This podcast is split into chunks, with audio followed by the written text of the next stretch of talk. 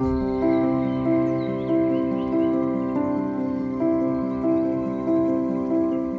här är podden Örtsystrar. En podd om örter och att ta tillvara på naturens skatter. Med mig, Maria Österberg. Och mig, Anna Rosenblom. Hej Maria! Hej Anna! Idag så tänkte vi att vi ska prata om hostörter eftersom vi befinner oss mitt i vabruari. Ja, Så måste vi ju prata om någonting relaterat till förkylningar. alla de här krämporna som alla har. Eller jag vet inte, det kanske är över nu när det är februari. Vi spelar ju in det här lite tidigare än så.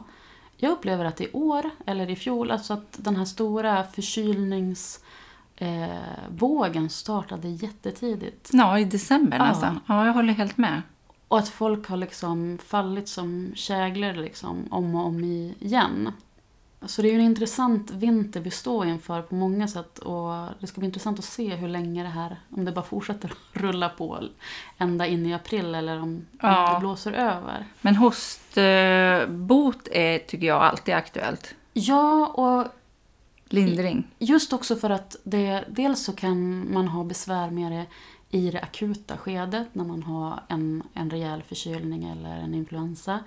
Men eh, Oftast kommer det ju efter flera veckor. Ja, precis. Och att eh, också om man är inne i en period av livet där man har återkommande luftvägsinfektioner så till slut så liksom bara fastnar det. Mm. Och det är ju någonting som ja, men påverkar livet och livskvaliteten för många och särskilt för småbarnsföräldrar. Absolut, gud. Så vi tänkte att vi skulle prata lite om, för saken är ju den att det finns så himla mycket hostörter som vi kan använda oss av. Ja. Och det är en sån här grej som jag tycker att det är, man blir nästan lite ledsen i hjärtat när man hör alla som har problem med hosta.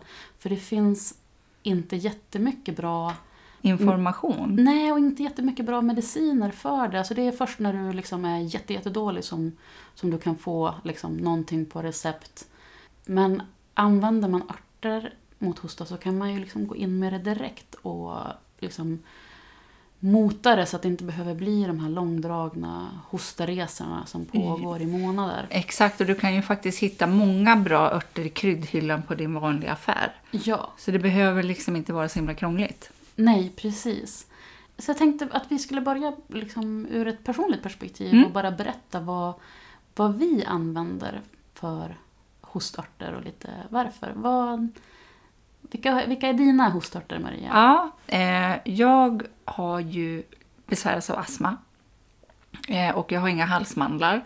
Så så fort jag får minsta lilla förkylning så bara skjut åker det förbi rakt ner i luftrören. Och eh, får ofta en ganska så här, torr, hackig, hård hosta till en början. Och sen blir den sådär superslemmig.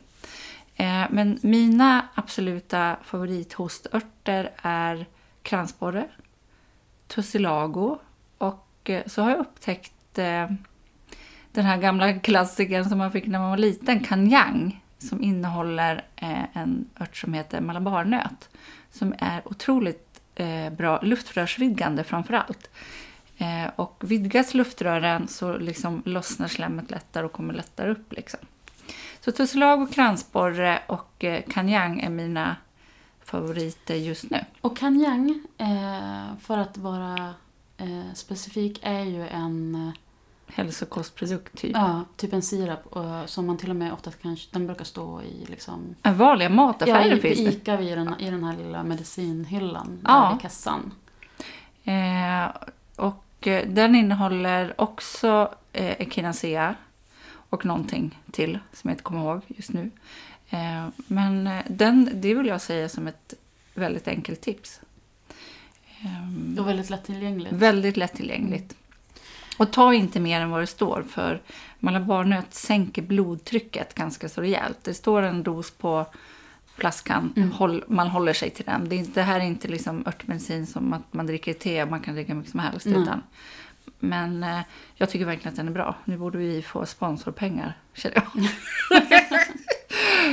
eh, sen så, kransborre är ju en väldigt, väldigt, väldigt bitter ört. Eh, men eh, jag tycker att den är bra. Och eh, sist nu när jag var förkyld så använde jag också ganska mycket timja. Um, Tussilago är lite problematisk eh, eftersom att det finns en varning kring den om att den innehåller ett ämne som jag inte kommer ihåg som skadar levern. Och det, precis, och det står ofta i svenska örtböcker, så, eller oftast är eh, tussilago inte ens med i svenska örtböcker på eh, de utbildningar som vi har gått svenska så pratar man ju inte om den. Eh, och jag tycker att det där är ju lite av våran tendens att vara lite överförsiktiga här i Sverige och så fort det finns minsta lilla varning eh, så liksom bara plockar man bort det och inte, vi pratar inte om den. Mm, därför har det ju varit väldigt intressant när vi har gått Rosemary Gladstars kurs, ja. eh, alltså en amerikansk herbalist, eh, där hon eh, anser ju att tussilago är liksom en av de stora hostörterna. Ja, det vill jag säga. Eh, man tror, eller jag vet inte vem som skrev det, men jag, för mig känns det här sant att ordet hästhov kommer från att man vänder bak och fram på ordet eh, hosthäva. Mm. Och så känns tussilago för mig. Mm. Ehm, och grejen här är ju att, för, för dig som inte vet, att tussilago kallas det också för hästhov. Så ja. det är det du menar ja. där. Mm. Eh, men alltså jag dricker ju inga stora mängder av det, utan jag kanske under, när det är som värst, när man är liksom i sin värsta hostperiod, eh, kanske tre, fyra dagar, så tar jag typ en torkad blomma till en kopp mm. te. Eh, och eh, jag mår alldeles utmärkt och min lever också. Och det som är med, med det här, den här varningen som finns, och det tyckte jag var så bra i, eh, i Rosemarys kurs, att där går hon ju in och förklarar varför, var det här kommer ifrån. Ja, men det var en gravid kvinna i Tyskland va? Som ja, men, drack flera liter om dagen. Ja men, nej. Eh, det som jag tänker på, det är att det hon hänvisar till är eh, en, jag tror att det är en tysk studie, den gjordes på 80-talet. Och det man gjorde då var att man injicerade möss, eller man gav möss enorma mängder av det här ämnet som, som är, det, det finns ett ämne i tussilago som med alla örter så ingår det ju massor av ämnen. Det finns ett ämne där som potentiellt kan vara leverskadande. Och då eh, doserade man jätte, jättehögt, testade på möss och så fick de skador på sin lever. Mm. Så dels så handlar det om en extrem dosering. Och man brukar ju säga det om, om giftighet, att huruvida någonting är giftigt eller inte är alltid en fråga om dos. Mm. Och det är klart att det finns belägg då, om man överdoserar, och man har den här studien där man har tryckt in massor av det här ämnet i eh, en stackars eh, labbrotta, så har man fått det här resultatet. Så hon, hon menar på att det här ska man Eh, visst, det finns det här forskningsresultatet men det är alltid viktigt att gå in och kolla vad är det de har testat och hur gjorde de studien. Mm. Och ett, en annan aspekt av det är att här har man isolerat ett enda ämne och i örter det finns ju massor. Det kanske ja. finns en läkande ämne i samma ört som de inte ens har tagit Precis. Ja. Att örter är ju så, så här sinnrikt konstruerade med, med eh, mängder av ämnen som tillsammans balanserar eh, varandras verkningar. Och det är det som går förlorat när vi isolerar ut ämnen till läkemedel. Eh, samtidigt är ju läkemedel fantastiska. Att, liksom att tekniken finns, att vi kan isolera och att man då får väldigt säkra doseringar. Så med hela den bilden av Tussilago så, så är jag precis som du, att jag, jag ser inget problem med att användaren. Men det är inte... Eh, som du säger, att det är inte det är inte den första hostörten som man tar och att man tar eh, liksom, under en jättelång tid och höga doseringar. Nej. Utan jag brukar, jag brukar plocka jag har en jättefin liten burk som, med en, som jag köpt på loppis med en tussilago på. Det är ungefär kanske tre nävar torkade blommor. Det är vad jag skördar varje år. Ja. Och det är sällan som, som det, går åt. det går åt. Så att Tussilago lever ju ett litet hysch-hysch-liv här i Sverige. ja, det gör det. Men jag tycker ändå det är viktigt att nämna att den, den finns. Eh, att den är, kan vara ett jättefint stöd om man har svår hosta. Men att man ska vara mm. noga med dosering och inte ta för stora doser och inte under längre perioder. För säkerhet, säkerhets skull. Ja, och då skulle jag väl säga undvik om du är gravid. Ja. För säkerhets, säkerhets skull. Ja, eller om du har en lever, leverfunktion. Ja. sjukdom. Och som alltid så är det ju så här att att använda örter innebär ett stort egenansvar. Så ska du ta en kur av någonting, har en, någon form av svaghet eller sjukdom, gå på medicinering så har man ett eget ansvar att läsa på Mm. om örten. Ja. Men då får du berätta om dina favoritörter. Ja, alltså jag har ju sällan hosta själv när jag är sjuk. Jag minns eh, det var liksom som värst 2019 var min värsta hostsjuka. Det var när covid drog igång så frågan var om det, det var det eller inte. Men jag har ju en, en släng av liksom astmatiska besvär så att jag använder eh, hostörter eller de örter som vi kallar för hostörter de är ju också luftvägsörter. Så relativt regelbundet använder jag ändå liksom luftvägsörter när jag känner att jag får en, en försämring i liksom, jag har lärt mig börja känna igen det i andningen. Att jag får en tendens att börja munandas.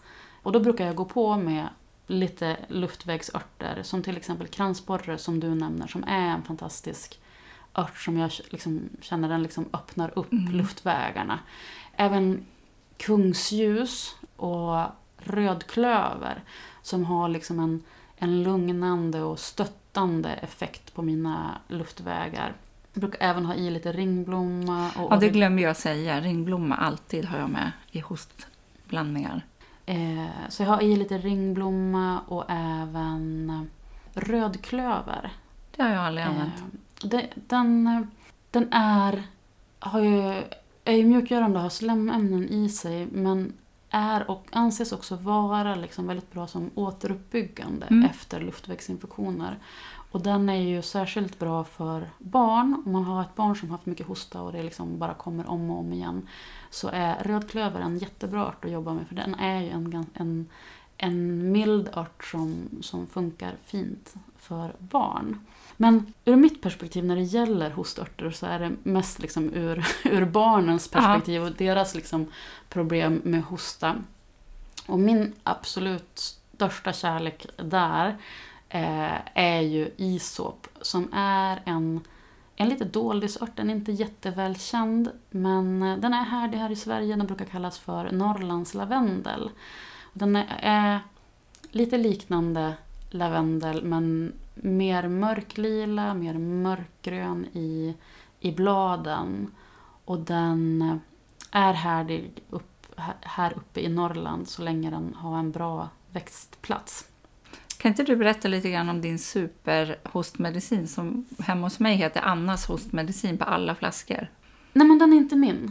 Nej, okej. Eh, så vi kan ta den, men får jag, jag ska bara Ja. berätta klart om, om Isop. Isop är en jättebra hostört för barn och den är perfekt i de här lägena när barnen har en sån jäkla rethosta att de inte får sova och du får inte sova för att de vaknar hela tiden. Och det är så roligt för när jag berättar om den här örten, eller nämner det för liksom nära anhöriga som har problem, så är det som att de, de liksom bara, "Ah, ja, ja, man tror liksom inte att det kan, kan hjälpa. Men den är helt magisk. Eh, att den, den hjälper att stilla det där retet och lugnar ner så att barnen får sova. Så att mina, mina barn de har lärt sig det nu, nu börjar de ju bli ganska stora. Att jag brukar göra ordning, när de var små så gjorde jag ordning en, en termosmugg åt dem med eh, ljummen infusion på isop. Och så ställde jag den bredvid deras säng. Nu gör de ordning på den själv när de har hosta innan de går och lägger sig. Och när de vaknar av sin hosta så tar, räcker det att de tar en klunk. Och så får, lägger de sig ner och får somna om. För då, då lugnar det sig. Så isop är, tycker jag, är, ska finnas i varje små, småbarnsförälders eh, örtskåp eller medicinskåp. För att det har räddat så himla många nätter. Fantastiskt. Mm. Tänk om jag visste det när mina barn var små. Men den där hostsirapen eller förkylningssirapen som du tänker på, det, är, det var den här eh, med ett spritutdrag av pepparmynta, isop och kransborre va? Mm. Och sen så var det, blandade man honung i den. Eh, Det receptet kommer ursprungligen från Ida. Hon delade, det, Ida som är lärare på Hola. Hola på Naturliga apoteket där. Hon nämnde det eh, på vår sista träff när vi var på Biskops, Biskops Arne. För jag hörde aldrig det då. Nej, och det var så här, det var bara i... i En liten grupp eller? Alltså bara i förbifarten? Nej, men det var, jag tror att det var i någon föreläsning, men det var verkligen bara i förbifarten. Och jag sa bara, det där...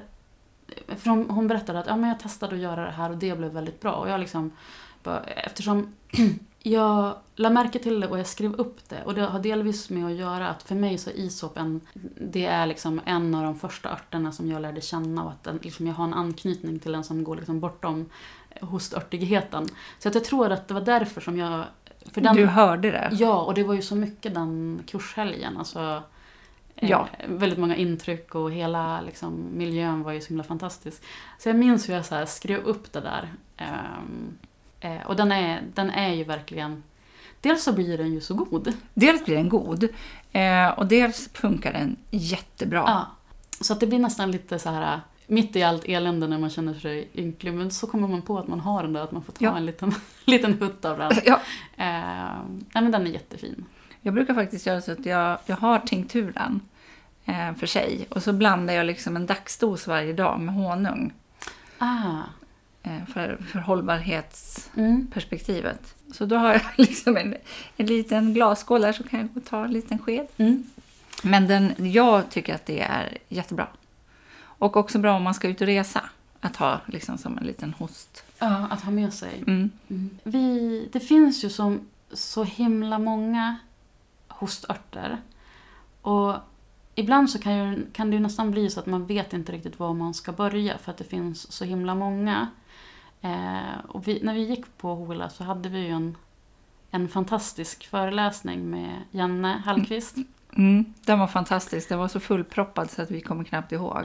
Ja, och att, för där gick han verkligen ner på liksom detaljnivå det här med att eh, ur det här perspektivet att för att bygga en bra hostblandning så är det viktigt att tänka på hur hostan ter sig. Karaktären. Ja, om den, och inte bara om den är torr eller slemmig och rethostig utan Är den varm eller kall? Är den fuktig? Är den torr? Ehm, ja, och sen vart det mycket. Ja, och jag, och jag kände, och det var så här, jag minns att jag antecknade jättemycket för det var som en hel matris till slut. Men så pass till den grad att till slut så det blev nästan så att jag liksom inte visste i vilken ände jag skulle börja.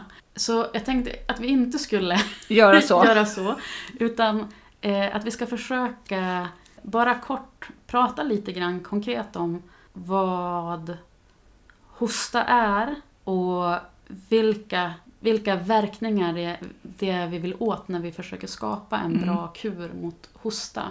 Och just nu när vi spelar in det här så det är så himla aktuellt för att jag sitter och, och håller på att försöka skriva ihop en, ett underlag till en video i, i min medlemstjänst för att vi har Eh, vi har immunförsvaret och liksom förkylning och flunsa-kurer som ett övergripande tema nu under första kvartalet. Och där så försöker jag sätta ihop liksom korta, eh, väldigt liksom användbara eh, videos på bara liksom, ja, max 10 minuter för varje typ av, av åkomma som man Mm. har. Och jag har spårat hosta till sist. Just liksom, jag sa bara herregud, det går liksom Tio minuter går inte. Nej, nej, och det blir för komplext. Så att det här är liksom gått och grunnat liksom. Ja, men hur, kan vi, hur kan vi göra det här enkelt och lättillgängligt? Och därför så kände jag också nu när vi, det var dags att spela in lite poddavsnitt att jag tänkte att ja, men vi kan ta det här tillfället i akt att prata lite om det och försöka bena i det. För grejen med hosta är ju att det är en reflex som kroppen har som syftar till att driva upp ämnen som irriterar. Alltså det kan vara damm, gifter som vi har fått i oss, eh, mikroorganismer som skulle kunna ställa till med sjukdom i kroppen. Men också slem som har, har bildats i slemhinnorna som täcker luftvägarna. Också som en del av skyddsmekanismen som de här vävnaderna har när det kommer irriterande ämnen. Så hostan syftar ju till att hjälpa till att liksom få upp det här eh, ut ur kroppen och liksom, ja, men, frigöra och, och säkerställa att vi kan andas som vi ska och att lungorna kan ta upp syre. Men det som händer ibland när vi är sjuka är ju att den här reflexen liksom hakar upp sig och att vi bara hostar hela tiden och till slut så kan vi inte göra någonting och vi kan inte sova för vi hostar hela tiden och så blir vi inte bättre. Och då finns det liksom i bland örterna så finns det liksom lite olika verkningar som vi vill åt för att hjälpa till och lösa upp den här baklåsningen. Så vi tänkte prata lite om dem i olika grupper av Mm. örter eller mm, Problem. fun- funktioner som örterna har. Och den första gruppen är demulcenta örter. Det, demulcent är ju ett engelskt ord och på, ska vi översätta det på svenska så är det mer Mjukgörande. mjukgörande örter som innehåller mycket slemämnen och som därför lugnar och lindrar slemhinnor.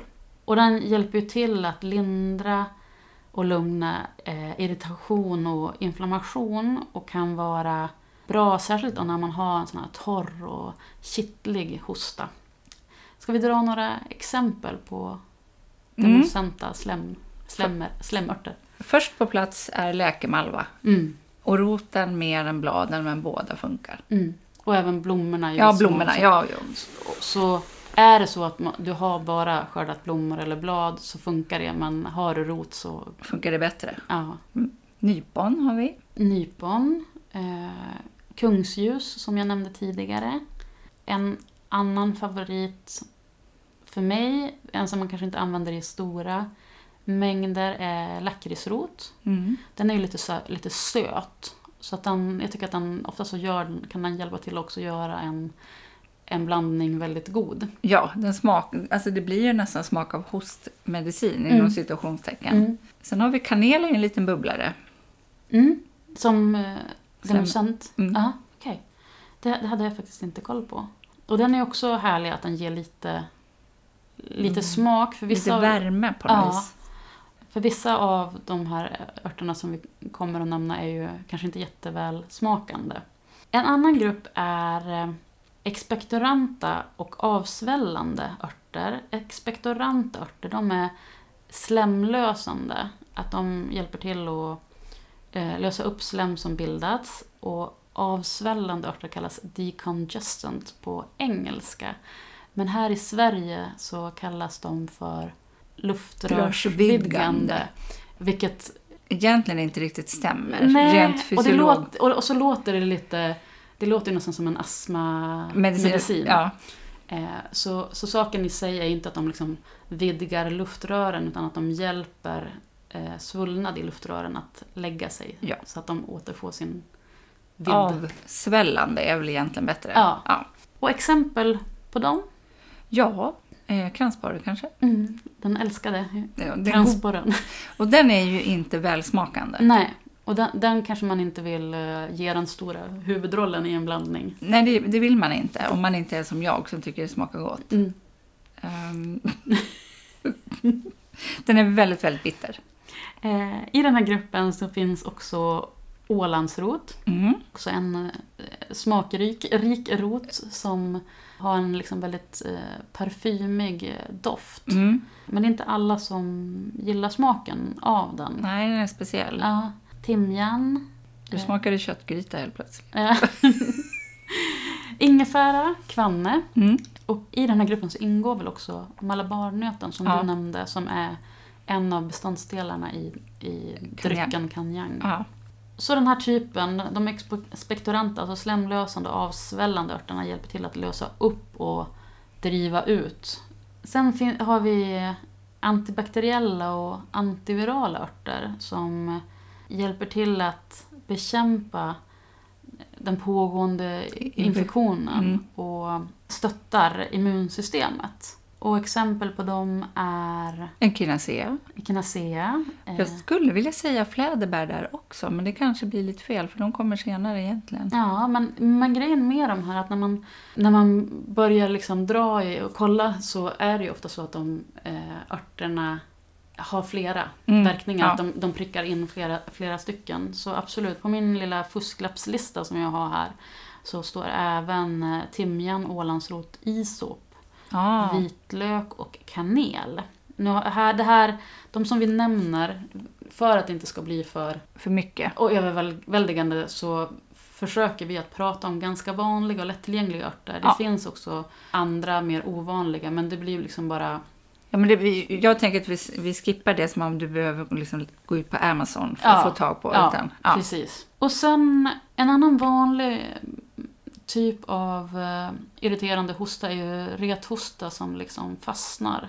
Mm. Och här, när man får en, en sån typ av hosta så kan ju absolut de här vanliga hostörterna, naturligtvis så jobbar man med dem, men att det kan också vara bra att eh, lägga till örter som är nervsystem Lugnande. lugnande och stärkande, stöttande som hjälper till att lugna den här reflexen som liksom har hakat upp sig. Vilka, vilka är dina go-to nervsystemörter ur det perspektivet? Eh, Jag skulle säga att min go-to här är eh, nog citronmeliss. Jag skulle nog lägga till valeriana. Mm. Ja men faktiskt, ur det perspektivet. Ja. ja. Som är, jag tycker är otroligt eh, bra, som, det har vi pratat om tusen gånger, Mm. eh, som muskelavspännande. Mm. Så jag skulle nog ta den. Andra här är också kamomill och helig basilika som stöttar nervsystemet och lugnar ner Mm. aktiviteten lite där. Eh, Man skulle kunna säga egentligen vilken kramp, den som har en kramplösande verkan skulle man kunna lägga till. Alltså, för det är också det, du vill ju lugna ner, du vill spänna av. mm. Mm. mm. Och sen sist men inte minst, vilket var lite av en nyhet för mig när jag eh, gjorde lite så här research för att se hur kan vi liksom koka ner det här, är, och det här hittade jag i Anne McIntyres fantastiska bok The Herbal Tutor, att C-vitaminrika örter och bär, att de stöttar själva liksom hostans funktion med att driva ut främmande ämnen, alltså flimmerhårens liksom vibrationer som, är, som verkar för att driva upp liksom de här ämnena som, och slemmet som inte, vi inte vill ha i luftvägarna. Och att ur det här perspektivet att det, hostan inte lyckas fullgöra sin, det den är tänkt att göra och hakar upp så, så blir man bara hamnar i en ond cirkel. Att C-vitamin hjälper till att, att stötta den här funktionen och, och att det är någonting som man kan tänka på att tillföra för att hjälpa den här, eh, att få hostan att fungera. Att få ut det som ska ut och sen lugna ner sig. Det tyckte jag var väldigt intressant. Jag med, efter, och det visar verkligen att så mormors, mormors huskur. Eh, för att det var ett himla tjat när jag var liten om C-vitamin när man var förkyld. Mm, precis. Superintressant. Mm. Och exempel som Anne McIntyre ger här är fläderbär, björnbär, blåbär. Jag vill ju lägga till nypon såklart. Ja, hon nämner också att man kan tillföra infusion på rosenblad. Och där tror jag att det handlar om att de också in, eh, de är, det blir lite sött så att förmodligen är det lite slemämnen där också som Ja, Hon och de åt. kan ju bli en smakhöjande eh, komponent också. Ja. Men där så tänker jag, det är ju intressant också de här bären som hon nämner. Det är fläder, det är björnbär och blåbär. Alla blåa. Så jag tänker, har man massa svartvinbär i, I frysen. i frysen så Borde Eh, det funka lika bra? absolut. Och de har ju också väldigt mycket slemämnen och kan ju också vara väldigt eh, lindrande och lenande när man har lite, lite halsont. Mm. Så på med det också. Så det, man, det vi vill åt när vi skapar liksom en, en, en hostblandning, för vi kan ju sitta här och tipsa om våra blandningar, men de är ju liksom lite skräddarsydda För oss ja. och våra besvär. Mm. Det är att man försöker liksom pricka in liksom någonting ur varje grupp, men sen också fundera över vad är mitt största hostproblem och ge liksom huvudrollen i I blandningen, i blandningen till till den. den. Men sen alltid, alltid stötta upp med något, som du sa, ja men ringblomma, jag glömde ringblomma för jag har alltid med ringblomma. Mm. Ja. Att det är ju liksom verkligen en, en enkel ört som många också har. Ja, Eh. för eh, jag upplever ju att man blir liksom nästan... Man blir ju inte sårig, men man känner sig sårig liksom i luftrören. Mm. Och just den läkande egenskapen hos ringblomman. Mm. Ja, som katarrmotverkare. Nu har vi pratat hostörter Mm. länge och väl, men jag tror att vi behöver det. Det är många som behöver höra det här avsnittet. Jag tänkte att vi skulle avsluta med veckans tips. Mm. Och jag har ett jätteroligt tips som inte är mitt eget. Det var för något år sedan, och jag skulle dubbelkolla det här nu men jag glömde att göra det. För något år sedan så blev jag intervjuad av eh, en skribent i Övik för um, Sjuan som är en sån här lokal, lokal gratistidning om örter. Och jag tycker att det är alltid så himla kul att prata örter med folk för att man får alltid höra så himla många mm. roliga, roliga anekdoter och alla bär ju på någon typ av örtkunskap att dela med sig. Och det Gabriella berättade då var när hennes barn var små och så hade de någon sån omgång med jättedryg hosta. Och så sökte de vård för det. Och så var det en stafettläkare av eh, utländsk härkomst som sa så här att, ja men du vet, de fick väl det här vanliga att, nej, det, Drick mycket vatten. Ja, och så något så här icke receptbelagt läkemedel. Men sen innan de skulle gå så sa han så här, alltså, jag får ju inte egentligen säga det här, men jag gör det ändå. Eh, gå på affären och så köper du timjan. Ja. Och liksom gör te på det och ge det. Så hon gick till affären och så köpte hon färsk timjan. Eh, och liksom klippte av och så hädde ner hela liksom, mm. den i en stor kanna och så liksom på med hett vatten och så sen så fick barnen dricka det här. Och det funkade ju. Så ja. i hennes familj så blev det här en återkommande. Och jag tror, det var det här jag ville dubbelkolla vad de kallade det för det var så roligt. Men jag tror att de kallade det för akvariete. Så nästa gång, för jag vet nu har vi pratat, även om fast vi säger att ah, men nu ska vi försöka göra det enkelt, så har vi ju ändå förmodligen nämnt 20-25 olika örter, varav ja. många behöver man beställa och man, då ska man liksom vara, ha framförhållning och göra det innan man har hosta. Och nu sitter vi här mitt, mitt i februari. Så veckans tips, för dig som hör det här, eh, för dig som sliter med hosta. Steg ett, jätteenkelt, eh, gör akvariete. Men det är klart att det heter akvariete, det kommer ju se ut som ett akvarium. Ja. Det är helt fantastiskt. Ja, det är så bra. Hörni, det var allt för idag. Ha en fin vecka så hörs vi nästa vecka. Ja, men det gör vi. Hej då! Hej då! Många frågar efter de recepten som vi nämner i podden. Därför har vi valt att samla våra favoriter och göra dem tillgängliga för er. Vi tar en liten slant för dem. Det är därför också ett sätt för dig att stödja podden. Länk till recepthäftet hittar du i avsnittsbeskrivningen. Du kan också stötta oss genom att följa podden i din poddapp eller gå till poddens programsida och skriva en recension.